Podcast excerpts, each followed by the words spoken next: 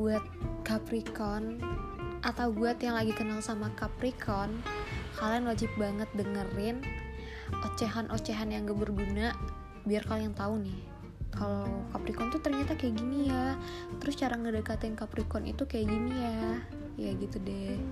Capricorn ini emang rada-rada uh rada-rada bikin kesel bikin kangen tentunya asik. Pokoknya selamat mendengarkan.